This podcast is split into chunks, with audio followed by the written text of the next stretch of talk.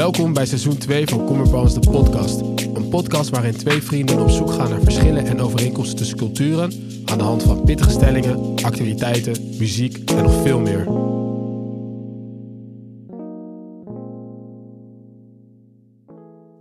Yes, welkom bij de derde aflevering van Commerpans de podcast. Mijn naam is Jordan en ik zit samen hier met mijn main guy Hug. De tijd vliegt, aflevering 3. Ja man, hoe is het? Het, eh, het gaat heel goed. Ik Ja? zit, eh, ja, zit er lekker in. Lekkere week gehad. Eh, we zijn lekker aan het genieten. Ehm, ja, wat, wat heeft de man er nog meer over te zeggen? Niet zoveel. Hoe is het met jou? Ja, lekker man. Zit weer lekker. We zitten lekker in de, studi- in de Force Quit Studios. Zitten er goed bij. We hebben er zin in. Goede energie. Dus ja, gaat goed man. Mag niet klagen. Goede week gehad. Ik ben helemaal ready voor deze aflevering man. Nou, laten we dan maar meteen beginnen als we het toch over die week hebben. Wat is, wat is jou deze week opgevallen? Nou, wat mij is opgevallen deze week, ja, zeg maar, ik ben uiteindelijk ook eh, overstag gegaan door de social media hype. En ik heb dus ook Seaspiracy gekeken. En ik ga gewoon heel eerlijk met je zijn, dat eh, was een documentaire dat zeker best deprimerend was. En dat begon met ehm, volgens mij een onderzoek naar kijken naar de sterfte van walvissen. Want degene die dus eh, die, documentaire heeft gemaakt, die, die heeft een fascinatie voor walvissen. Of die is in ieder geval, die vindt walvissen geweldig. En ehm, die ging daar onderzoek op, zeg maar onderzoek naar doen. En op een gegeven moment hij in steeds diepere lagen terecht van eh, over overbevissing, hoe ehm, landen zich daar ja, eh, eigenlijk ehm, geen regels hebben, dus dat daardoor overbevissing blijft doorgaan, hoe de commercie daarbij helpt, hoe wij daar zelf bij helpen. Het was op een gegeven moment echt zo dat ik dacht van je doet een put open en dan kwam echt de Pandora's box kwam open met allemaal shit dat ik echt dacht dit, dit had ik niet gedacht dat ik dit op een zondagmiddag even chill zou gaan kijken op Netflix, man. Dat was wel echt, eh, dat ik dacht van, damn son, dat is, heeft wel echt een eh, indruk achtergelaten. Want ja, weet je, net voor de podcast toen, hè, we komen altijd samen en dan gaan we even een beetje nog een kleine chat doen voordat we opnemen. En dan wil ik een broodje halen en toen dacht ik van, ja, maar ik kan ook nu geen vis meer eten. Is eh, is het zo, ik heb hem zelf niet gezien, is dat zo ingrijpend wat je ziet? Ja, wat ik merk vooral is dat we in, echt in een tijd leven, daar hebben we het wel vaak over gehad, weet je, ook over cancel culture en dat soort dingen. Het is gewoon door digitale media gewoon zeg maar hoe alles, hoe je alles zo snel kan verbinden met elkaar en hoe je snel informatie krijgt, lijkt het gewoon op een gegeven moment dat je eh, op een gegeven moment je kan niks meer eten, je mag niks meer zeggen, je mag niks meer doen, weet je wel. Dat we blijven maar een beetje eh, altijd op, op, op eggshells lopen als het ware. En uiteindelijk, wat mijn conclusie was, eh, uiteindelijk ook van die, van die documentaire, is dat at the end of the day, we zijn gewoon met veel te veel mensen op de wereld, waardoor dus op een gegeven moment de natural resources, en natuurlijk de, hè, de vissen, de dieren, de planten, zeg maar, er is gewoon niet genoeg om ons allemaal te voeden of ons eh, in leven te houden. Niet dat ik nu wil zeggen, eh, we, moeten, eh, we moeten allemaal dood of whatever, maar het is wel even dat je denkt van, jeetje, weet je, kan het niet gewoon een keer een leuke conclusie achterkomen of zo, weet je wel? Dus ja, dat heeft wel zeker... Wishful thinking. Maar, nogmaals, ik herhaal mijn vraag nog een keer. Heb je, nee, onderneem je nu actie als een, als een effect van het kijken van de documentaire? Nou ja, ik heb sowieso wel weer dat ik dacht, ik wil sowieso iets meer, meer vega gaan eten. Want ik had een tijdje dat ik echt wel zes dagen in de week vega had. Op een gegeven moment is het weer helemaal omgeslagen. Toen had ik iedere dag weer vlees. En nu keek ik dit weer en dacht ik, oké, dit is weer zo'n moment van, oké, misschien moet ik ook, zeg maar, ook met vis dus gaan kijken. Van vis, ik dacht altijd vis, als je vis eet, veel beter dan als je rund of kip eet. Maar uiteindelijk als je dat kijkt, dan is dat dus helemaal niet waar. Omdat vis net zo'n grote invloed heeft. Het schijnt, het gaat zelfs zo erg door dat, dat het ecosysteem van vissen, die, die, die we eigenlijk natuurlijk hebben, die zorgen eigenlijk voor een veel betere CO2-reductie dan al die andere dingen waar we eigenlijk mee bezig zijn. Terwijl dat voor mij was echt zo van, huh, een soort van mind-blowing, dat ik dacht van, dat wist ik helemaal niet.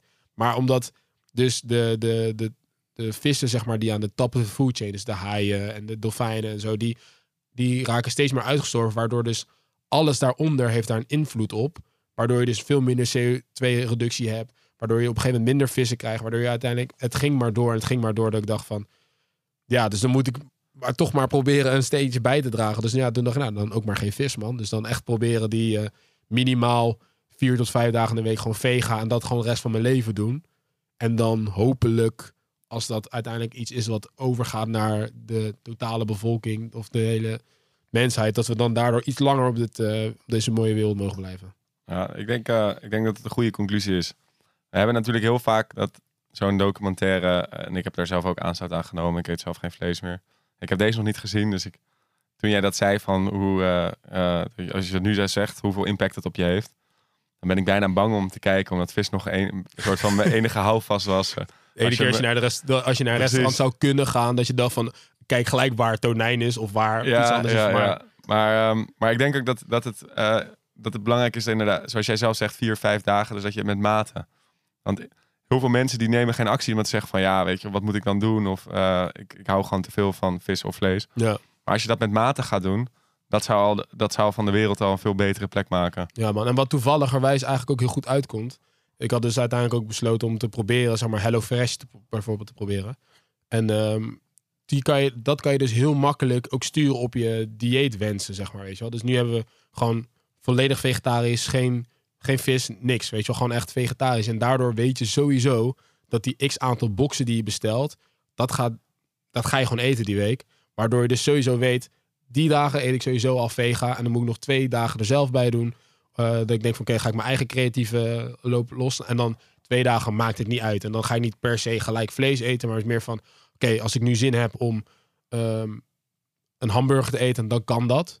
Maar eigenlijk liever zo min mogelijk. Snap je wat ik bedoel? Ja, ja. Dus, eh, nou ja, dat is gewoon dat bewustzijn dat je creëert. Ja, man. Zeker. En ik denk ook dat je vanzelf ehm, ook gaat nadenken van wat, wat, wat voor vlees eet ik dan? Wat voor vis eet ik dan? Ja, man, we hebben gelijk over gehad van ja, mochten we vlees eten, dan gaan we gewoon naar zoeken we de juiste slager in de buurt waar, waarvan je sowieso weet, hè, die, die eh, doet op een verantwoordelijke manier.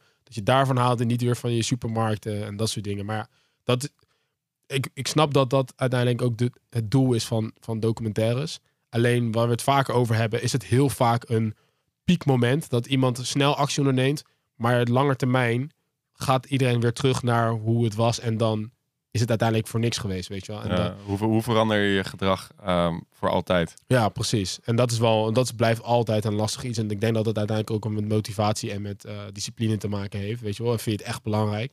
Maar ik moet zeggen dat toen ik dit had gecheckt, dat ik wel echt dacht van, oké, dit is wel echt, het kwam even binnen, man, op mijn zondagmiddag. Dus Oké, ik Kijk, raad het je wel aan om te kijken, man. Kijk hij, gaat, hij staat hoog op het lijstje. Oké. En eh, wat, eh, wat is jouw geval deze week? Nou, ehm, wat mij is opgevallen, ik had natuurlijk in aflevering 1 heb ik het over gehad, eh, dat eh, als een van mijn doelen, dat het eh, gaat over, over golfen. En dat ik daar beter in wil worden. En ik had deze week, had ik voor het eerst een birdie geslagen. Wat is een birdie voor de luisteraar? En vooral de luisteraar als in Jordan. Ja, dat is goed voor je cursus. Een birdie betekent eigenlijk, je hebt een bepaalde, een bepaald, bepaald aantal slagen dat je over een, een, stuk mag doen, een hole, Ja. met golven. En als je die, als je, daar heb je dus, stel het is drie slagen, dan, heb je, dan heet dat een par drie. En als je dan onder die drie slaat, dan, ehm, dan, dan heet dat een birdie. Dus als je onder, onder die par slaat, Dus je eigenlijk- je dus in twee slagen heb je... ja, heb je een, een, een, een hole gemaakt. Oké, dat, is, eh, dat klinkt very impressive, maar... Nou ja, ik was, zeg ik was er zelf ook wel een beetje midgetgolf, verbaasd eh, over. Nee, nee, ik was er zelf ook verbaasd maar. over. Maar, ehm, en dat, eh, wat me daarin op was gevallen, en dat is niet zozeer die birdie zelf, dat ik alle, wil dat alle luisteraars onder de indruk zijn van mijn upcoming golf skills. maar is meer ehm, dat het zoveel voldoening geeft als je ergens met vanaf nul begint. Mhm. En dat je ja, gewoon echt tijd en, en, en nou ja, energie eh, investeert in iets. En dat je dan op een gegeven moment ook daadwerkelijk gaat zien dat er effect uitkomt. Ja, Dus ik stond echt als een jongetje van 12 die echt de allerdikste Lego-box krijgt. stond ik echt te juichen van get in, weet je wel. Het is me gelukt. En ik vond dat wel, eh, het was een mooie bevestiging van, eh, weet je wel, practice makes perfect. Als je gewoon tijd in investeert en, en, je, en, en, je wil iets en je ste- investeert er energie in, dan kan daar langzaam, als je geduld hebt, kan daar, iets heel, kan daar steeds iets mooiers uitkomen. En en it's worth the effort. ja sick man. Ja, ik, eh, en, en of dat nou... hoe, Of dat hoe nou voelt dat eigenlijk? Zeg maar? Dat is zeg maar wel een, een... Ik kan me voorstellen dat er genoeg luisteraars zijn... en ook ik zelf ook, dat je niet bepaald vaak dat soort momenten hebt. Dat je dat beleeft, dat je iets ergens aan nul begint... en dat je dan uiteindelijk een bepaalde doelstelling behaalt... en dat je er ook echt ziet van, oké, I've put in the work... ik kijk wat er uiteindelijk uit is gekomen. Nou ja, geweldig dus. ja, eh, echt. eh, ik zei echt, als een jongetje van 12 stond ik te juichen. En dat was wel echt heel leuk. En je bent, het grappige is, als je zoiets doet, krijg je daarna alleen nog maar meer zin om meer tijd en energie erin te Ja. stoppen. Ik kan me ook heel goed voorstellen, stel je gaat bijvoorbeeld, ik noem wat Japans leren. Ja, Dat je dan, eh, nou ja, in het begin denk je natuurlijk van, waar ben ik, eh, wat, wat kan ik zeggen? En je kijkt om je heen en je leest die teksten en je denkt van, wat is dit voor eh, Japans? ja, ja. Normaal zeg je Chinees, maar Japans in dit geval. En als je dat op een gegeven moment gaat lezen en die tekens worden betekenen opeens iets in je ogen. En je gaat met mensen praten en ze, ze praten terug. Ja. Dat moet ook zo'n vet gevoel zijn. Ja, vooral bij Japans denk ik ook. Want ik ben zelf, jij bent ook een keer naar Japan geweest. En ik zelf ook twee- drie jaar geleden ging naar Tokio. En ik kan me nog heel goed herinneren. Zeg maar, je kan mij overal ergens droppen. En ik in principe, I'm alright. Maar toen ik in Tokio kwam. Het is voor het eerst dat ik een cultuurshock had, man. Dat echt, zeg maar, voor het eerst zie je zoveel impulsen, borden, informatie. Maar je kan er helemaal niks mee. Helemaal niks. Echt helemaal niks. Je kijkt gewoon letterlijk naar tekens en het heeft geen betekenis. En dat was echt voor mij dat ik echt dacht van, zo'n drukkend gevoel. Ja. Dus dat ik kan me wel voorstellen dat als je dan wel Japans leert als westerse en je kan het ineens al die dingen komen binnen, maar je kan het vertalen. Dat, dat kan me wel voorstellen. dat denkt ik, denk, ik wauw. denk, als je het al wat simpeler trekt, als je gewoon anime in Japans gaat kijken en opeens versta je dat, snap je? Ja, dat zou ik persoonlijk zo dat wel chill vinden. Ja, Ja, ja, ja. Ja, ik, kijk- ik kijk het, dus eh, Daarom, nou ja, je, je hebt een doel nu. Maar, maar, ehm, nee, maar dus dat, eh, dat gevoel van achievement, eh, dat, dat had ik al, nou, als in common problems neerzetten, was natuurlijk ook een gevoel van achievement. Maar dat Ja. is, voelde toch iets anders. Want dit is echt met, weet je wel, echt trainen, veel gaan, veel oefenen. Dus het ja. toch iets anders. Maar dat was wel, eh, ja, wat je zei, dat heb je niet zo heel vaak. En dat was wel even een momentje waar ik echt even bij stil stond toen. En nou ja, die avond ook nog van uit. Zo voelt dat dus weer. Nice man. Ja, het is een perfect segue eigenlijk naar onze hoofdonderwerp van vandaag. Want vandaag we het eigenlijk een beetje hebben over onze interesses. Want als je kijkt naar onze, hè, als, voor de luisteraars die het niet weten, in onze eerste seizoen hebben we het vaak wel eens over interesses en nieuwe dingen proberen. Het is iets wat we vaak op terugkomen buiten ons eh comfortzone treden en eh, ouder worden. Hoe ga je verder met, met eh, wat doe je eigenlijk met al die nieuwe interesses?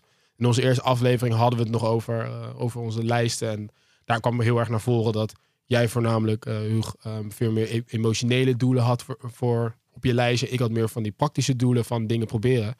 Ja, ik dacht eigenlijk misschien wel leuk dat we er eigenlijk gewoon wat dieper op ingaan van nieuwe dingen proberen. En ik denk eigenlijk al dat golfen, het is een perfect voorbeeld, weet je. Want dat is dus al iets nieuws doen, eh, heel veel tijd insteken en uiteindelijk iets moois uithalen.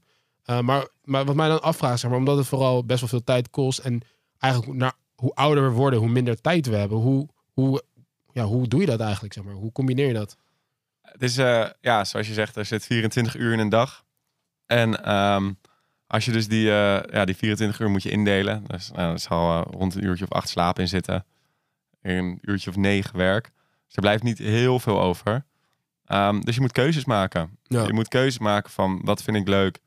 Wat is er mogelijk nu? Kijk, ik ga, niet, eh, ik ga bijvoorbeeld niet in de regen golfen. Eh, dus je maakt keuzes in van, weet je wel, hoe wil ik mijn tijd spenderen? En Ja, ja, kijk, regengolf is misschien een heel, heel, heel praktisch voorbeeld. Maar ook, eh, ja, weet je wel, waar, waar haal ik op dit moment mijn meeste energie uit? En als ik dan kijk naar mijn eigen hobby's bijvoorbeeld, ehm, merk ik ook wel dat dat, dat, dat wisselt met, met, eh, met de seizoenen. Het wisselt met het weer.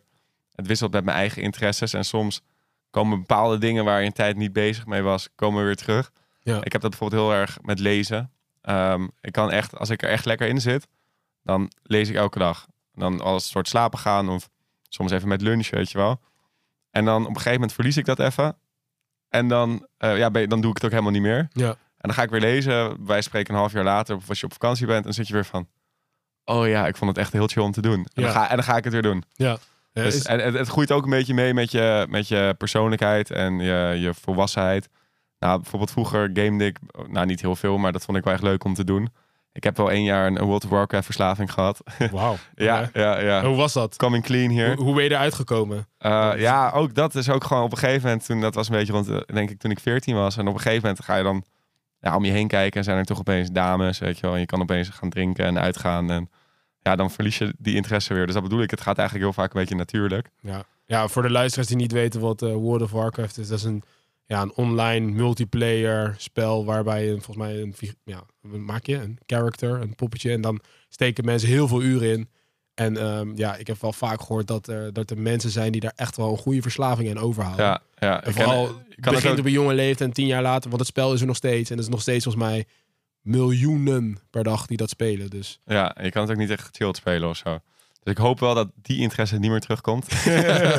Ehm, maar nee, dus dat, dat is, zo, zo groeit dat met je mee. En ik noem maar wat, Ja. bijvoorbeeld, ik vind op, nu op zaterdag kan ik soms echt met een vriend naar de markt gaan. Echt hele lekkere dingen halen. Drie uur in de keuken staan. eh, en dan voor, voor eh, mijn vrienden en vriendinnen lekker eten op tafel zetten. En dat vind ik ook heel leuk, terwijl ik dat een jaar geleden nooit deed. Doe je, doe je eigenlijk nu dingen wat je dacht toen je jonger was, dat je dacht van, Ja. ah, ga ik later nooit doen, weet je wel? Ja, man. Ik, Dat we eh, allemaal wel kennen misschien. nou ja, bijvoorbeeld dus eh, fietsen. Ik, eh, ik vind fietsen vind ik echt leuk om te doen. Als Eh, in fietsen of wielrennen bedoel je? ja, wielrennen bedoel ik dan. Ja, ja. En eh, nou, golf dus. Eh, Ja. En het was wel, ik had een grappig besefmoment vorig jaar. Dat ik zat op die racefiets en ik ging eh, een dag later golfen of zoiets. En ik had eh, even gedacht, ik doe even een weekendje chill, weet je. eh, om even weer op energie te komen. En ik zat op die racefiets.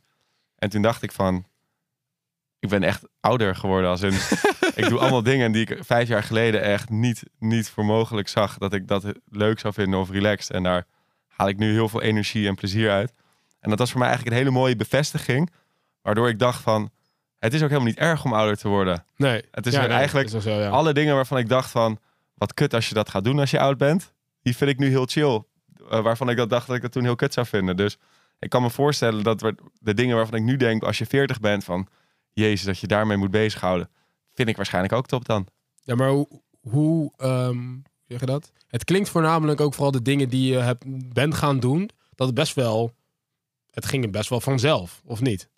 Je rolt er vanzelf in. Ja, Maar rol je, zeg maar voor mij persoonlijk, ik rol niet per se in die nieuwe dingen. Ik heb wel echt bewust een keuze gemaakt. Maar als ik bij jou hoor, dan hoor ik best wel dat je denkt van, oh, ineens ben ik aan het wielrennen. Oh, ineens ben ik eh, eh, aan het golfen, weet je. Dat zijn Ja. natuurlijk best wel keuzes die je maakt natuurlijk. ook, Ja, toch? maar het is, het is deels denk ik aan je omgeving te danken. Kijk, als je gewoon om, om je heen mensen bepaalde dingen gaat doen en zij vinden dat leuk. Of, of, of bijvoorbeeld met golf doe je natuurlijk met anderen. Dus weet je, als meer Ja. mensen dat gaan doen, wordt het ook leuker. Uh, en het is deels ook wel, heeft het te maken met gewoon een natuurlijke nieuwsgierigheid naar alles. Weet je, ik ben, ik heb gewoon veel interesse voor elk gebied. Uh, Ja. Of dat nou educatie is, of, of, of, of, of sporten, of lezen, of luisteren naar muziek, ik noem maar wat. Dus dan ga je vanzelf allemaal dingen proberen. En ik als, als kind ook heb ik, ik echt op duizend sporten gezeten. Weet je wel, een paar wel, wel steady, maar echt van alles geprobeerd. Omdat ik gewoon uiteindelijk alles gezien en gedaan wil hebben. Wat noem eens de gekste die je hebt gedaan? Ik Waar je meest van eh, schaamt? eh, ja, niet schamen doe ik Zeg nergens korfbal, voor. alsjeblieft. Schamen, nee, nee, ja, schaam doe ik nergens voor. Maar het gekste is misschien wel, ik heb geturnd, man. Je hebt geturnd. Ik heb geturnd, bro. Wauw, ik zie ook de boys in de studio en zo van, wat? Ja, man. Ik je ben, bent zeg maar, sorry, maar ik hou van je, maar je bent wel echt niet ik ben, heel flexibel, zeg maar. Ik, ik ben er ook van afgegooid omdat ik geen koprol kon. ik heb me na twee jaar hebben ze gezegd van ja, nee, ja, weet je, iedereen heeft zijn eigen talent, maar uw zoon heeft niet dit talent. Ze hebben toch al letterlijk tegen jou ja, gezegd dat van, een ja, dit moet je niet doen. ja, was geen succes, man. Maar je hebt het dus ook twee jaar gedaan, dus je was wel gewoon, you've been doing it, gewoon. Ja, ja, ik heb het wel echt gedaan. Ja, zeker. Ja, Oh, je bent echt weer pretty, echt wel een heel different picture, man. Maar Ja. ik hou ervan, Hoe, man. hoe, eh, hoe, hoe kijk jij zelf dan naar, naar je interesses, het indelen, de ontwikkeling daarvan? Nou, als ik naar mezelf kijk, ik merk dat ik... Bij mij rolt het er niet zo per se in, zoals ik net al zei bij jou. Dat je ineens een vriend hebt die wielrent, dat ik denk, oh, ik ga het ook doen. Zeg maar, bij mij waren het wel vaak echt bewuste keuzes die ik maakte. Dus toen eh, dat ik op een gegeven moment, ja, zat ik iedere dag thuis aan het werken. Keek uit het raam en ik zie altijd, zag ik mensen voorbij chasen op een racefiets. Ik dacht van, ah, dat is best wel chill eigenlijk volgens mij. Want ja, ik kan niet naar de sportschool. Kan thuis ben ik, heb ik het ook weer gezien. Ik dacht, wat nou als ik gewoon, ik hou van podcast luisteren. Ik dacht, nou, wat nou als ik iets vind, dat ik een podcast ga luisteren voor anderhalf uur en bezig kan zijn. En toen dacht ik, ja, dat is natuurlijk gewoon wielrennen is een van die dingen. Toen heb ik ook heel impulsief snel een fiets gekocht en zo. En toen dacht ik van, dat is best wel chill eigenlijk, man. Ik bedoel, eh, het is een goede workout. Ik heb weer een extra moment in mijn week dat ik gewoon fully kan dedicated aan mezelf en aan een podcast. Ehm, want ja, die reistijd heb je niet meer, weet je wel. De enige moment dat ik echt een podcast kon luisteren was als ik aan het koken was of zo bijvoorbeeld, weet je. Dus maar dat, dat gezegd hebben, dan was het wel dus echt dat ik echt een keuze moest maken, weet je wel. Dus vandaar ook dat als je kijkt naar mijn lijst die we in de eerste aflevering hebben besproken, daar zijn ook bewuste keuzes van. Het is niet Mhm. omdat iemand tegen mij zegt, joh, Jor, kom even mee. Want ik ben ook wel iemand, als iemand dat zou, ze- zou zeggen, dat ik altijd wel nadenk van, mm, ik wel zin, wil ik dit wel? Maar als ik zelf die keuze maak, dan ga ik ook wel actief in. Dus, ehm, en als ik dan kijk naar de, de verdere interesses die ik heb, ja, ik had vroeger ook, zeg maar, weet je, ik wilde ook van gamen en ik was ook van eh, tekenfilms. Ik kan nog heel goed herinneren dat ik dacht van, ja, Nickelodeon is zo chill. Ik, ga, ik kan niet voorstellen dat ik daar ooit mee stop. Nou ja, toen, ja, ik, ik denk dat we het allemaal hebben gehad. Dat je opeens dacht van, wat, waar kijk ik eigenlijk naar? dus dat dat heel snel stopte. Dus, dus dat je inderdaad dat je meegroeit Met met je smaak en je interesses. Ja, maar ik merk wel dat ik dus niet per se een bepaalde stimulans heb gehad om dingen te blijven proberen, weet je wel. Dus ik heb toevallig, heb ik er gisteren met, met- met mijn moeder een gesprek over gehad. En toen had het ook over interesse van een jonge leeftijd. Van, hoe bepaal je nou eigenlijk wat jouw kind wil doen, wat voor sport jouw kind wil gaan doen. Wat zei ze? En toen zei zij van ja, ik wilde altijd dat je op judo ging zitten, want dat geeft een bepaalde discipline mee. Eh, dat heb ik ook zeker gehad tijdens judo. Dus, maar ik wist helemaal niet dat mijn moeder daar over na had gedacht. Ik dacht, judo is gewoon een standaard sport dat bijna ieder jongetje in de, uit de jaren negentig op zijn vierde gaat doen, weet je wel? Ik kan, eh, kan die ook aftikken. Ja, daarom. Dus ik dacht ook van ja, dat is. Maar mijn moeder had echt een bewuste keuze gemaakt van oké, ga je dat doen? Uh, en toen, nou, toen mijn vader nog was, ging ik heel vaak, blijkbaar toen ik een kind was, ging met mijn vader naar honkbalwedstrijden. Honkbal is ook heel groot in de Caribische cultuur. Um, maar omdat mijn vader toen overleed en zeg maar, ging daar er niet meer heen. Dus er was ook niet meer ergens stim stimulans. Maar mijn moeder zei ook van, eigenlijk wilde dat jij ging honkballen, weet je wel. Mm -hmm. Maar omdat ik dus al twee sporten deed toen er tijd. Dus ik deed judo en, en zwemmen. Mijn moeder dacht, ik ben in mijn eentje. Hoe, waar hou ik de tijd vandaan om dit kind dan nog ergens anders heen te brengen? En toen zei ze van, uh, ja, dan, dan moest je maar één van die twee afmaken. En dan mocht je een ander sport doen. En toen was ik acht. En toen dacht ik van, ja, ik wil voetballen. Want ja, ik wil de nieuwe Ronaldo worden. Nou, als één keuze is die ik niet had moeten maken, was dat het, zeg maar. Dat, dat Maar- is mijn turnen, als Ja, ware. ja, ja, maar, maar als je zegt niet dat we moeten maken, eh, heb je er veel plezier aan beleefd? Ik heb zeker veel plezier aan gehad, maar ik zie ook later dat mijn talenten ergens anders zaten.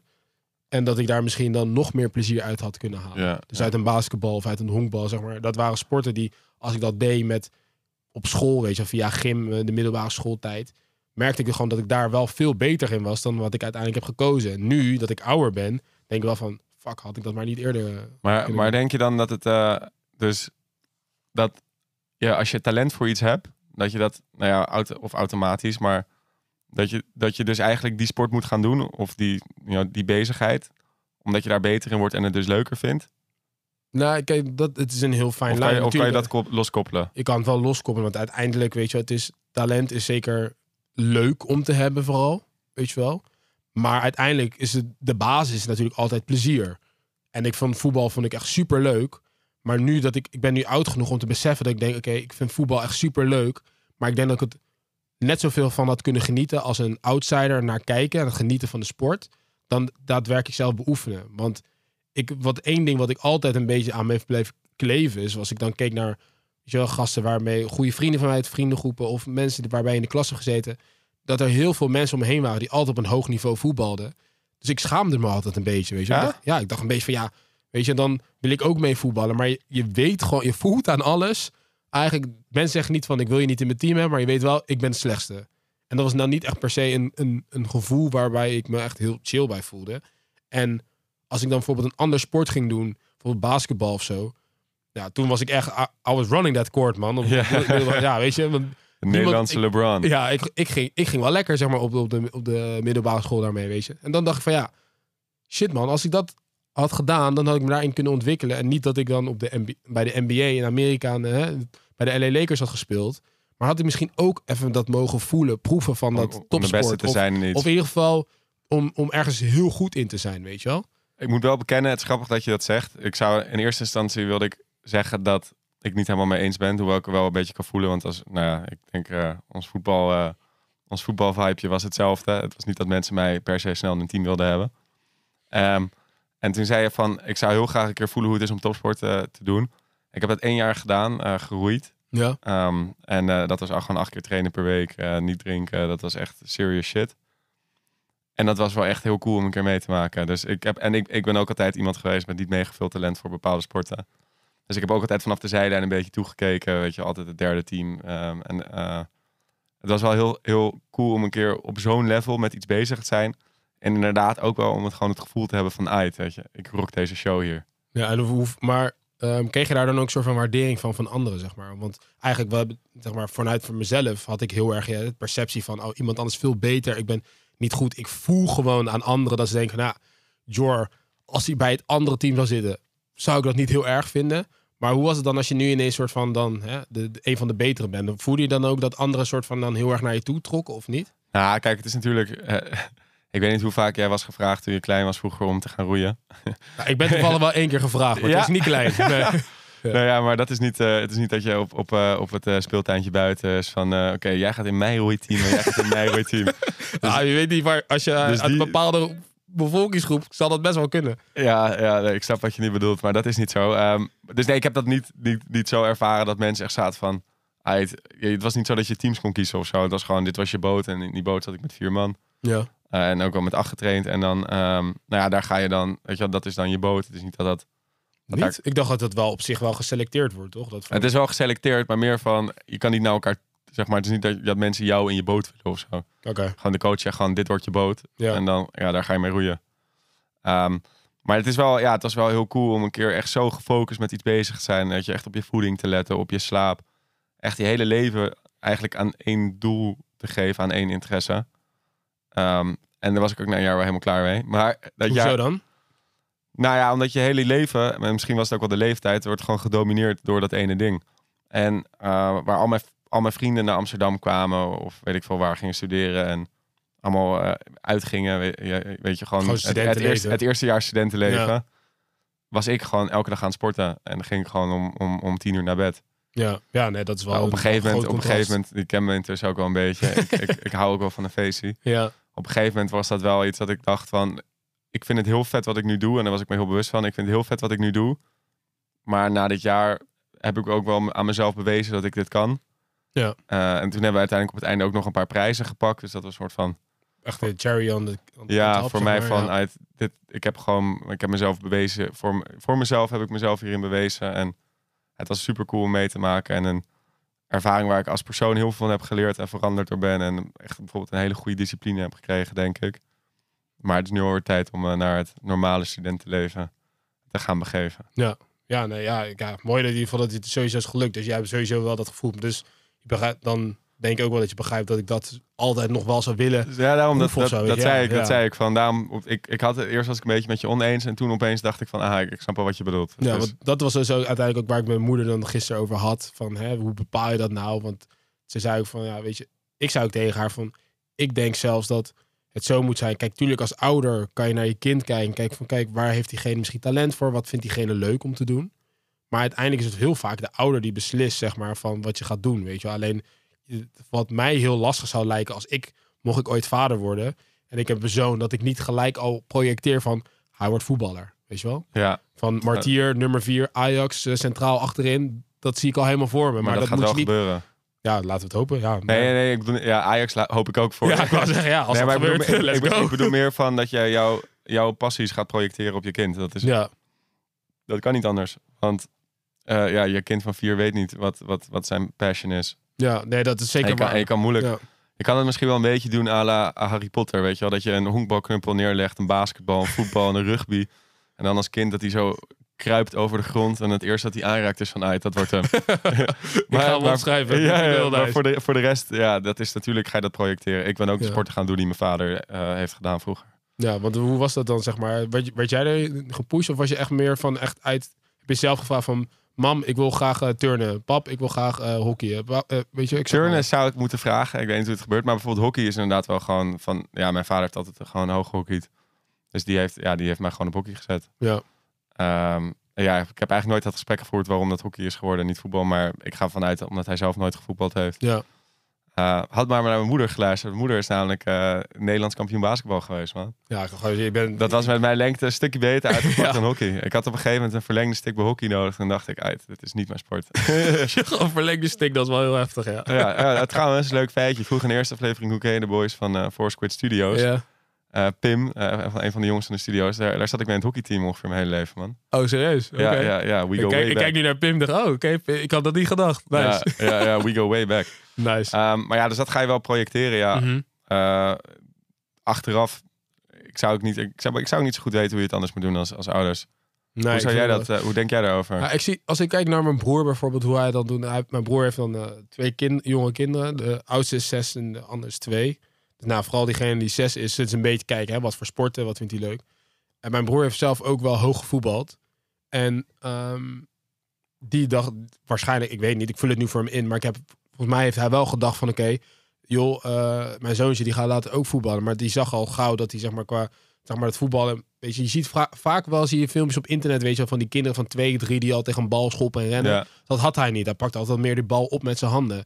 En nu, juist sinds kort, zijn ze verhuisd met een basketbalkoord. En nu zien ze, gaan ze vaker basketballen, want ze zien dat hij vaak die bal in zijn handen wil hebben en mee wil gooien. Dat is Dus- toch een beetje dat voorbeeld dat ik net zei. ja, ja, Ja, wel. Dus maar hij is er wel echt bewust mee eh, aan de slag gaan. Hij dacht niet, ik ga hem gelijk op voetbal gooien. Weet je. Dat Mhm. zou ik denk ik gedaan hebben. Ja. Maar ik doordat ik dat van dichtbij mag meemaken, denk ik wel van ja, misschien moet ik er daar iets, eh, moet je dat ook een beetje meer op zijn beloop laten, maar ook weer niet te veel, want ehm, dat kan uiteindelijk ook weer andere keuze, ja, ander gevolg hebben of zo. Makes sense. Maar als je het dan wat breder trekt. Ja. ehm, en eh, je kijkt niet alleen naar sport, daar hebben we het nu eigenlijk voornamelijk Ja. over. Maar je kijkt gewoon naar het ontwikkelen van, de, van je kind. Of, eh, en daardoor uiteindelijk van, van jezelf ook. Hoe, eh, hoe, hoe is dat vanuit jouw huis gegaan? Van, zei je moeder van, joh, dit moet je gaan doen, dit moet je gaan doen? Of kwam er bij jou natuurlijk al een paar dingen naar boven waar je echt bent gaan in- interesseren? Nou, Is ik- er iets wat je hebt gemist?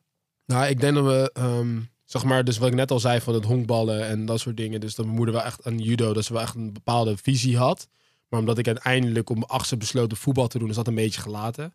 Maar ik weet wel dat rond mijn twaalfde of zo, toen had ze nog gezegd van, joh, ehm, je hebt echt eh, goede lange vingers, je moet gaan piano spelen. Ik dacht, piano spelen? Je bent twaalf, ik was net, ik ga net naar de brugklas. Ik dacht, ik dacht echt van piano spelen. Ik dacht, nee man, zeg maar, dat is, dat is not de vibe waar ik in zit, weet je wel. Toen, zeg maar, heel veel mensen van onze generatie, en dat heb ik toen ook tegen mijn moeder verteld gisteren, van, van onze generatie rond je 16e, 17e ontdek je ineens heel veel muziek. Dus de tijd dat eh, eh, Mac Miller en dat soort personen eh, ook bekend werden, wilde iedereen ineens muziek maken. Iedereen wilde beats maken. Dus ook ik heb ooit een keer op een blauwe maandag met een keyboard en een laptop op mijn kamer gezeten en dacht van, shit, ik kan het niet verbinden. En ik kan niet piano spelen. En, toen, en, dat is, en dat vind ik wel jammer uit mezelf. Dat ik, ik heb niet echt de urge om dingen helemaal uit te zoeken of uit te diepen. En dat is ook waarom ik dus in de eerste aflevering zei van stay curious. Weet je, om mezelf uit willen dagen om, om, om dingen te blijven eh, onderzoeken. Want als ik dat niet tegen mezelf zeg, dan doe ik dat ook gewoon niet. En daardoor heb ik dus nu heb ik ook bijvoorbeeld best wel spijt dat ik nooit piano heb gespeeld. Want nu nog steeds denk ik, hoe sick zou het zijn als je gewoon ergens komt, staat de piano en je gaat gewoon even, even pingelen, weet je wel? Het lijkt me wel gewoon een heel chille skill om te hebben, weet je wel? Maar dan ga ik je nu wel een confronterende vraag stellen. Tell me. Waarom ga je het niet gewoon leren? Ouch. ja, ja. nee, daar heb je helemaal gelijk in. En dat is als, eigenlijk als, je, ook als, je, wij... als je denkt, van, als je echt zit bij jezelf van, ah, hier baal ik echt van. Weet je? Ja. Nee, maar dat is het ook. Maar dat vind ik, vind het oprecht heel lastig om dus iets nieuws te gaan beginnen. Maar ik wil dat wel. Dus misschien, ik weet niet per se of ik de piano nu nog steeds zo hoog heb zitten als dat ik het ooit een periode heb gehad. Maar je hebt er wel helemaal gelijk in. En dat is ook iets wat ik eigenlijk uit dit gesprek met jou wilde uitvoeren. Van oké, hoe maak je daar tijd voor? Hoe maak je die keuze om dat wel te gaan doen? En om heel eerlijk te zijn, nu dat je dit tegen mij zegt, ik ga het straks even onderzoeken van wat heb ik nodig, hoe ga ik dit leren en eh, hoe ga ik dat regelen? Want dat is, ja, het lijkt me wel gewoon heel sick, man. Ja, ik denk als je gewoon, eh, ja, gewoon, ik ken letterlijk een vriend van mij die heeft gewoon zichzelf leren gitaar spelen. Eerst met YouTube filmpjes. Nu heeft hij wel echt gitaarles omdat hij het echt Ja. heel leuk vindt. Ehm, dus ja, weet je, you're never too old. Nee, dat sowieso niet, man. Nee, dus dat, dat, ja, om daarop terug te komen van hè, wat, of ik of echt gepusht ben. Er is een bepaalde mate is dat ik een beetje, dat ik mijn moeder wel een beetje he- heeft proberen te regelen. Maar omdat ik ook vanuit nature dus niet per se heel erg uitpluisbaar was. En dacht van, eh, ik vind het allemaal wel goed zo, heeft mijn moeder eigenlijk de handen van afgelaten. En dat vind ik wel jammer eigenlijk. Dat heb ik wel vaker. Dat ik denk van, als ik kijk naar mijn jongeren zelf, denk ik wel van, ik was echt te, te, te stubborn. Zeg zeg je dat in het Nederlands? Een beetje Koppig. koppig. Ja, ik was te koppig en te sterke eigen wil. Terwijl het uiteindelijk zoveel dingen zijn die ik had al veel meer tijd had in kunnen steken, die ik nu moet gaan insteken, terwijl ik minder tijd heb. Want waar we mee de podcast mee begonnen, zeg maar, ja, weet je, je hebt nu je werkt acht uur per negen, acht, negen uur, per dag. Je moet slapen. Je hebt, eh, je hebt een relatie. Ik, tenminste, ik heb een relatie. Ehm, je moet zoveel. Dus het is heel lastig om daar tijd voor te maken. Maar then again, als jij zo'n kritische vraag stelt, denk van, ik moet er gewoon tijd voor maken. En ik moet er gewoon Precies. kijken en gewoon gewoon, kijken van prioritiseren. prioritiseren. En Ja. kijken van, oké, zondag, wat doe ik op zondag? Voetbal kijken, wat doe ik verder? Misschien koken. Genoeg tijd dus om nog tussenin even piano te spelen, zeg maar. wat. Ja, ja. Is het bij jou geweest een beetje? Nou, Of ik heb je ergens spijt van, zeg maar, dat je dat niet hebt gedaan? Nou ja, eh, in dat opzicht kan ik de pijnlijke vraag ook een beetje aan mezelf stellen. ik heb namelijk ook spijt dat ik, eh, ondanks dat muziek misschien wel mijn grootste passie is, of in ieder geval een van de grootste, ik behalve het beluisteren van muziek en de feitjes kennen en de verhalen achter dingen, ik er zelf ook verder voor de rest weinig mee kan. Ja. Eh, als in, ik kan geen instrument spelen, ik kan geen, geen noten lezen, ik kan geen beats maken. En dat is eh, iets waar ik ook wel zou... Achteraf gezien hadden mijn ouders, die hebben mij wel op gitaarles gezet. Maar ik had toen ook, ik was ook 12 en ik had ook gewoon, ik had andere prioriteiten. ja. Ik wilde gewoon, weet je, gewoon chillen met Matties en gewoon, Voor het eerst eh, samen van naar de supermarkt een bullet halen. En Precies, een croissantje en eh, precies, ergens zitten. snap je. Ja. Nou, dat is wel zo. Dus dat waren gewoon dingen voor mij dat ik eh, dat achteraf gezien had ik het dan wel geleerd. Want het is wel zo dat je dingen natuurlijk gewoon makkelijker oppakt op die leeftijd. En wat je zegt, meer tijd hebt. Ehm, maar ja, voor mezelf gaat ook never too old to learn. Ik zou wel liefst drums willen spelen. Dat is ook wel sick, ja. Dat is wel eh, Ja. misschien ook net iets moeilijker om op te pakken. Maar ehm, dat lijkt mij heel tof. Eh, en, maar bijvoorbeeld ook bijvoorbeeld DJ'en. Dat heb ik, ik heb daar één keer aan mogen ruiken of twee keer. ja. Nou, dat vond ik, dat, is, dat staat in mijn top drie mooiste ervaringen uit mijn leven. Maar hoezo heb je dat nog niet dan doorgepakt? Als je zegt dat top drie mooiste ervaring van je leven, dat is, ik bedoel, je bent nu Het, het, 65, dus dan, weet je, het is wel up there dan, toch? ja, maar het is, het is natuurlijk. Kan je is misschien een beetje een beeld schetsen voor de luisteraar van waar was dit, wanneer deed dit, een beetje te kijken heb de eerste keer- epic is. De eerste keer dat ik DJ'de was op Africa Burn. En eh, toen hadden dat? we, eh, dat is een, eh, een groot festival in eh, Zuid-Afrika. Mhm. En dat is echt, eh, nou je zit een week lang in de woestijn. eh, je kan daar ook verder niet betalen of zo. Dus je moet alles bij je hebben. Je, je, ja, je, samen zorg je voor eigenlijk een feest. Ja. En wij zaten in een eh, muziek, muziek. Je hebt zeg maar kampen. Dus het hele, dat hele feest is opgedeeld in kampen. Wij zaten in een muziekkamp. En wij, ehm, wij waren eigenlijk te laat met aanmelden. En toen zeiden ze van ja, ja sorry, het zit al vol. Toen zei ik ja, maar we hebben wel drie DJ's. We hebben twee gitaristen. Dus we kunnen wel echt een bijdrage leveren aan het kamp. Maar dat was allemaal complete lulkoek. Dat- We konden allemaal helemaal niks. Ja. Nou, toen zei hij van oké, is goed. Nou, als, als je dat hebt, weet je wel, dat, dat kunnen we nog wel gebruiken. Dus toen mocht ik uiteindelijk toch mee naar dat kamp. En toen kwamen we daar. En ehm, toen zei hij de tweede dag, zei hij van eh, Hugo Bo, jullie moeten gaan draaien. We hadden natuurlijk ons wel een beetje voorbereid, want we wisten dat het zou komen. Dus we hadden een lijst gemaakt. We hadden twee keer via via eh, apparatuur, ge- nou niet gehuurd, gewoon geleend. Ja. Gedraaid de hele nacht lang. Ehm, en toen hebben we een show gegeven. Ik maak geen grap. Het was, eh, de tent stond leeg. Eh, we hebben uiteindelijk een set van zeven, zeven uur zoiets gedraaid achter elkaar. En aan het einde was de tent gewoon, zeg maar, mensen stonden buiten de tent. Ja. Van, van 0 naar 600, 700 man gegaan. En het ging helemaal batshit crazy. Ja. ja. Wij stonden met z'n tweeën te draaien en iedereen fluiten, joelen, eh, sit-downs deden ze.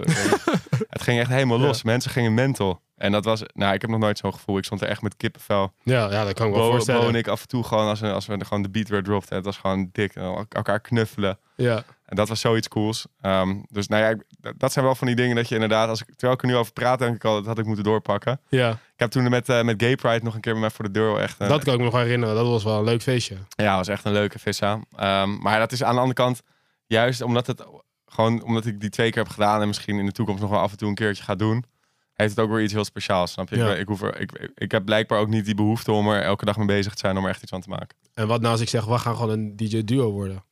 zeg ik, let's go. Common, Common problems. Problems, Sound System. Ja, ja, nou ja, ja, wie weet hè. Wie weet. De, de, de wereld ligt aan ons voeten, Jor. Ja, nee, ja, ja, maar kijk, dan uiteindelijk vind ik het dan toch best wel grappig als je zegt dat je het dan toch ergens kan laten. Dat je denkt van, oké, ondanks dat het zo epic was, kan ik toch ook weer denken van, ja, misschien moet ik het ook dan daarbij laten. Maar juist misschien daarom, snap je? Omdat het gewoon, omdat het niet een van een, een iets is wat je elke avond doet of, of al een- 30 keer hebt gedaan. Dat is een mooie herinnering. Misschien is het juist daarom zo epic. Ja. Somm- Ja, ik denk dat sommige dingen, sommige dingen die zijn juist heel mooi, omdat je die, nou dat is gewoon, dat is je één keer overkomen, twee keer, of dat overkomt je één keer per jaar. En juist daarom is het gewoon zo, zo fucking vet dat je Ja. dat meemaakt. Ja, sick En zo, zo zie ik dit misschien wel eigenlijk een beetje. Maar nogmaals, Common Problem Sound Systems, hey, eh, je hebt een zaadje geplant. Je hebt een zaadje geplant. gelukkig maar. Dat je het in ieder geval niet uitsluit. Weet je wel? Ik bedoel, je weet het niet, hè? Ik bedoel, we staan open voor alles. Tenminste, ik sta open voor alles. Dus Zeker. We hebben met, eh, met onze eh, Spotify-lijst, met de Cool Aid lijst hebben we natuurlijk een beginnetje gemaakt nu. ja, kan je nu eens even vertellen voor de luisteraars een beetje van waar dat, hoe dat is begonnen? Want het Nou, is volledig jouw idee, dus ja, tel kijk, eens. Eh, nou, voor de luisteraars dan. Dat, eh Jor en ik houden natuurlijk heel veel van muziek. We hebben ook vorig seizoen een aflevering over muziek gemaakt. En op een gegeven moment eh, was er natuurlijk een beetje een stilte vanuit ons. Omdat nou, we waren gewoon even druk bezig met andere dingen. We waren een beetje seizoen 2 aan het voorbereiden. En toen dachten we, hoe kunnen we toch nog een beetje van ons delen? En wat vinden we heel leuk? En dan komen we natuurlijk heel snel bij muziek uit. Ja. En toen hebben we daarom dus een lijst opgezet, Cool 8 bij Common Problems. En dan elke maand eh, mogen Jor en ik tien nummers eh, daarin plaatsen. En die wordt gewoon eerst van de maand geüpdate. En zo hopen we een beetje, een beetje van ons via muziek eh, te delen met jullie. En het is heel leuk, want ik merk dat ik daar echt ook ongelooflijk veel energie uit krijg. En dat ik het heel interessant vind. Ehm, en het is gewoon heel grappig om te zien hoe, hoe bijvoorbeeld eh, George en Five heel, heel anders of juist heel gelijk kan zijn aan die van jou voor de maand. Weet je? We hadden Ja. toevallig deze keer voor de maand april hadden we allebei een nummer wat we wilden. Dus hoe van, Van de- alle nummers van de wereld. van 7000 nummers die ik in mijn Vind ik Leuk heb staan, wilden wij allebei hetzelfde nummer. Nou, ik weet niet, dat vind ik wel... eh, Ja, nee, Wel ik moet ook eerlijk zeggen dat in, in hindsight, ik was in het begin, dacht ik van oké, wel denk van gaan we dit doen? Oké, waarom? Nou, toen hebben we dat besproken. En eigenlijk naarmate iedere maand vordert, word ik er steeds enthousiaster over. En denk van, het is eigenlijk super leuk om te doen, man. Omdat je denkt, ik mag maar een x aantal nummers mag ik kiezen. En ze moeten eigenlijk, voor je gevoel, moeten allemaal golden zijn. Weet je wel, je wilt gewoon dat iedere luisteraar sowieso op zijn minst een paar nummers uit die lijst kan halen. En denkt oh, dat heb ik nog nooit gehoord. Vind ik super tof, die ga ik op mijn lijst zetten, weet je wel. Dus eh, nee, ik vind het echt super leuk, man. Dus vandaar een goede plug. Weer allebei een, een gedeelde interesse die we kunnen delen. ja, En eh, waar kunnen ze het vinden? Eh, op Spotify. En je kan ook, als je gewoon op Instagram onze, onze link klikt in de, in de bio, dan, dan krijg, kan je er vanzelf naartoe. Eh, waar ik nog even naar terug wil. Ja. Dat is goed dat we dit even geplukt hebben natuurlijk. Even, even reclame maken. Maar waar ik nog even naar terug wil, is dat je zegt, eh, ik ben dus, ehm, dat is niet altijd zoiets uh, natuurlijks geweest. Maar je bent nu echt bezig om jezelf steeds meer te verdiepen in van alles. Dat betekent dat er nieuwe dingen bij komen. Ja. Je vroeg aan mij, hoe eh, prioritiseer jij je tijd? Hoe doe jij het dan? Want bij jou moeten er, als er nieuwe dingen bij komen, hoort erbij dat er ook dingen gaan afvallen. Ja, ehm, ja ik ben ook, zoals, jij zegt, kan ik in, in waves gaan. Bijvoorbeeld koken vind ik super tof. Ik denk dat ik koken misschien wel een van de leukste dingen vind.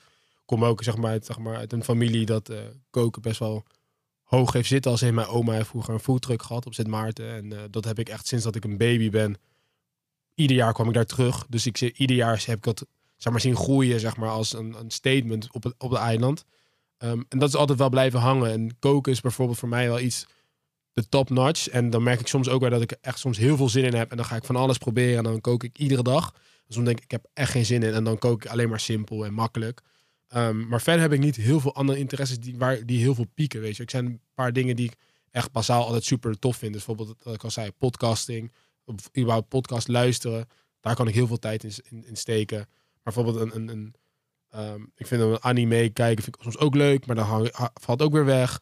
Um, sporten is een van de dingen die ik later heb ontdekt dat ik sport echt heel leuk vind. En dat dat ook echt belangrijk blijft. Dus dat doe ik ook vier, vijf keer de week. Um, maar ik merk wel dat ik het lastig vind om nieuwe interesses echt in te starten. En daar een, een, een, een tijd voor vrijmaken. We zitten nu in de studio. Zitten met twee uh, uh, gasten die alles weet je wel, opzij zetten voor muziek. En daar heel veel tijd in steken. En ook heel goed in zijn. Maar dat als ik nu om me heen kijk, voel ik ook een soort van, van um, inspiratie. Om te denken van kijk, dit is wat je dus kan krijgen als je echt prioritiseert en denkt van dit is waar ik naartoe wil of dit is wat ik leuk vind en bouw het gewoon uit en ik zie wel wat er vanuit komt. Niet zeggen dat ik nu ineens een chef wil worden door zoveel tijd in eten te stoppen, maar het lijkt me wel super tof dat als ik zeg, yo boys, weet je wel, het kan allemaal weer, kom bij mij eten en ik maak een gigantisch lekkere uh, um, maaltijd voor iedereen, weet je wel, met verschillende hapjes dat je kan pakken wat je wilt, weet je wel. Dat komt toch weer een beetje terug dan eigenlijk bij dat verhaal van Sportnet, waar je zei van, nou ja, ik heb altijd gesport, maar nooit zeg maar echt dat, dat level bereikt. Dat ene level van echt die topsport. Ja.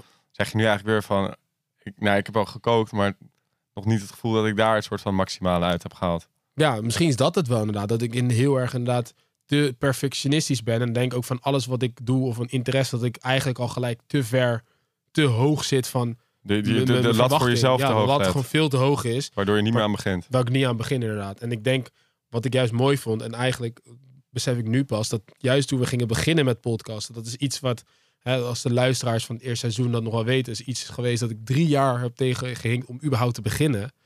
En eigenlijk het gevoel dat het gaf dat we die eerste pilot hadden op, opgenomen met alle foutjes en tweaks en alles wat er omheen zat. Maar dat gevoel dat ik toen kreeg was wel inderdaad een soort van overwinning van mezelf laten zien van kijk, dit is dus wat er kan gebeuren als je inderdaad prioritiseert en keuze maakt om dat te, uit te vogelen. Dat birdie gevoel. Wat zei je? Dat birdie gevoel. Precies, dat birdie gevoel, 100%. Dus dat is inderdaad, uh, ja, ik, ik, ik ben een beetje zeg maar van uit mijn woorden, omdat ik dus nu weer een soort van Eureka-moment heb, terwijl we hier in het, uh, samen aan tafel zitten en praten. Maar ja, dat hebben we wel vaker, weet je wel. Ja, nee, absoluut. Ik, uh, ik denk dat um, als ik erover nadenk wat je zegt, is het wel, je, je legt je eigenlijk je eigen lat te hoog. Waardoor je dus, als, als ik het samenvat, waardoor je dus bij jezelf denkt van, nou, ik ga toch niet dat level halen. Of ik, het is te moeilijk om dat level te halen. Of ik moet er te veel tijd in stoppen. En daarom begin ik er niet aan. Maar als je dan jouw lijstje erbij pakt van de eerste aflevering, daar zijn eigenlijk allemaal nieuwe hobby's op. Ja, en, en dat is dus de, de, de, de, de uitdaging die voor mezelf doe. Om gewoon iets te proberen zonder e- geen enkel verwachting. Gewoon doen. Potten bakken, ja, weet je, I said it. Ik wil nog steeds potten bakken. Maar ik ga niet verwachten dat ik een heel mooi keramische eh, vaas ga ma- zetten. Dat gelijk in, ergens in een vintage winkel kan staan. Of een mooie designwinkel. Van kijk eens wat ik heb gemaakt. Maar ik kan wel überhaupt daarheen gaan. Met klei iets proberen te maken. En wel die ervaring te hebben zonder enkel verwachting. Zodat ik mezelf kan groeien van oké, ik probeer iets nieuws. En ik laat het daar. Weet je wel? Ik ga niet verder denken van oké, ik moet nu dit behalen. Nee, het feit dat ik het heb gedaan is al een, heel, een, een, een winst op zich. Dat is wel echt een dope mindset. Ik moet wel bekennen, ik heb wel andersom. Als ik bijvoorbeeld eh, kijk naar, eh, ehm, naar bijvoorbeeld de bergen, weet je wel. Ja. En, ik had altijd wel een passie voor bergen, maar het beklimmen van bergen is wel en, ja, iets, iets wat ik nieuw heb gevonden. Ja. Ik moet wel bekennen dat ik heb de Mont Blanc nu gedaan en ergens in mijn hoofd weet ik al dat die Mount Everest wel gewoon... Gooi, een keer moet gebeuren. Ja. Ja, Maar dat is ook een beetje je persoonlijkheid, toch? Ja. Ik weet, ik weet al dat dat gewoon niet, zal waarschijnlijk niet in drie jaar gebeuren, of 100% niet. Maar dat, zit al, dat zaadje zit nu ergens in mijn hoofd en dat is een stemmetje. En ik, ik, kan, ik, kan dan, ik kan op een gegeven moment wordt zo'n stemmetje wordt luider en luider. En op een gegeven moment kan ik niks anders dan die stem horen en daar wel echt handelen. Ja, maar ik, vind het ook wel weer mooi, omdat je, je doet het al. Weet je wel, je bent er al mee bezig. Dus het feit dat het komt, dat dat gevoel komt, is een, een, een logisch, nou niet per se een logische, maar een, een, een, eh, een gevolg of een ja, gevolg op wat best wel eh sens maakt. Omdat je, je bent al bezig met bergbeklimmen. Je bent aan het kijken, oké, hoe kan ik iedere keer iets kleins, weet je, iets meer die uitdaging, dat ik iets hoger. Ja, en dan komt uiteindelijk de Mount Everest. En dan is het logisch dat je erover nadenkt. Maar als jij, eh, als, je, als je iets nieuws begint en al gelijk denkt, ik ga naar Mount Everest, that doesn't make sense. ja, weet ja, je wel? eens, eens, eens. Ja, nee, eh, ja, het is, we hebben weer echt eh, ja, heel veel besproken. Ja, ik denk dat je net al een mooie conclusie had gemaakt over alles en hè, over interesses. En ik denk dat we nog steeds, als je terugkijkt, dat we allebei openstaan op onze eigen manier. Zeker een grote invloed is van, hè, van huis uit, huis uit, van wat je mee begint, doen, begint te doen. Maar dat je dus nu, nu dat we ouder zijn en we willen, je krijgt ontwikkeld nieuwe interesse, dat je daar dus dan uiteindelijk ook gewoon meer tijd voor moet gaan maken. Het is eigenlijk gewoon prioritiseren, toch? Ja, en ik, ik, om nog terug te komen ook op wat jij zei van hoe, weet je, hoe zou jij dat met je kind doen of hoe is dat begaan? Ik denk dat het belangrijkste is dat je eh, je kind en, je, en daardoor en ook jezelf, dat je vooral, eh, en dat doe jij nu ook, eh, dus daarom is het denk ik een mooie conclusie, dat je vooral stimuleert. Kijk, je kan wel zeggen ga, ga op hockey of ga op, op voetbal, Eh, maar dat je je kind vooral stimuleert en jezelf om vooral alles te doen waar ze denken van wauw, weet je, Ja. dat, dat ziet er leuk uit. En of het dan uiteindelijk echt iets is of niet, ja, dat zie je dan wel weer. Ehm, maar dat je wel in ieder geval stimuleert om al hun, al hun interesses en al jouw eigen interesses gewoon te volgen. Want als je je in je eigen wereldje blijft begeven en je niet zeg maar wel denkt de hele tijd van oh wat vet als ik dat had gedaan, oh wat cool als ik dat nou eens zou doen, dan kom je nergens. Nee. Nee, ja, ik vind het een eh, goede, goede conclusie, man. Dus Hugo, take us away to the quote of the week. Ja, gaat die komen. Die is namelijk als volgt en die eh, past mooi in het straatje. Ik hoefde over deze niet lang na te denken, kan ik je vertellen. Ik kan helaas, ik had een, een, een, feedback gekregen ehm, vorig seizoen. En eh, die, eh, eh, die was wat terecht van, als je een quote geeft, dan moet je ook eigenlijk de persoon erbij quoten die die quote heeft gemaakt. Ehm, die moet je gewoon crediten. Ja, dat, is was een hele goede. goede feedback, dus ik ben ermee begonnen. Ik heb mijn best gedaan, want ik, ja, dit lijstje bestaat wel echt een flinke tijd. Ja. Dus het is niet altijd makkelijk om alle eigenaren te vinden. Helaas, bij deze is het niet gelukt. Maar I promise, ik ga erop letten. En dat is de volgende quote. A great human being asks as many questions as he gets answered. Hij zingt even in. Ja, dat is even aan het in, inzinken. Je Ja. stelt evenveel vragen als dat je antwoorden krijgt. Dus als je denkt van, wauw, ik vind dat echt leuk om te gaan doen. Nou, ga dat doen. En dat is dan een antwoord, of je dat leuk vindt of niet. Maar ga vooral door met vragen. Als je denkt, ik wil me gaan interesseren in, in potten bakken. Ga dat doen. En ja, je krijgt je antwoord dan op die vraag. Vind ik dat leuk? Vind ik dat interessant? Maar stel dan tegelijk ook alweer de volgende vraag zodra je dat antwoord hebt. Ja. Ga niet, weet je wel, ga niet stilzitten. In, en, en nogmaals, ga in dat beschermde hoekje van, nou, ik vind dit leuk en dit is het. Ja. Hier interesseer ik me in en dit is het. Blijf, blijf vragen stellen. Blijf aan jezelf stellen. Wat vind ik nog meer lachen? Wat, wat wil ik nog meer ontdekken? Want Ja, er is nice, zoveel in de wereld. Nice man. Heb je, je hebt dus niet de naam van eh, deze... Helaas niet, helaas niet. Die, Nou. eh, die blijf ik eh, deze persoon voor altijd schuldig. Maar Nou. ik hoop dat het publiek me kan vergeven. Ja, nou, bij deze, in ieder geval, Huug is ermee bezig om uit te vogelen wie ah, daadwerkelijk de quotes heeft gedaan. Dus dan weet je dat. Dat we in ieder geval de credits kunnen geven aan degene die het hebben bedacht. Maar ik wil je weer bedanken, Huug, voor de quote, voor de aflevering. Ik wil de boys van de Force Quid Studios bedanken. Yes, En ook de dankjewel. luisteraars. En dan, wil jij nog iets zeggen, Huug? Nou ja, we gaan nog één keer reclame maken. Volg Cool Aid. Oké, Spotify, nice. volg het. Oké. Link in bio op Instagram. Eh, Dope tunes. Oké. Nou, thanks allemaal. En, eh, Tot volgende week. Ciao. Bye.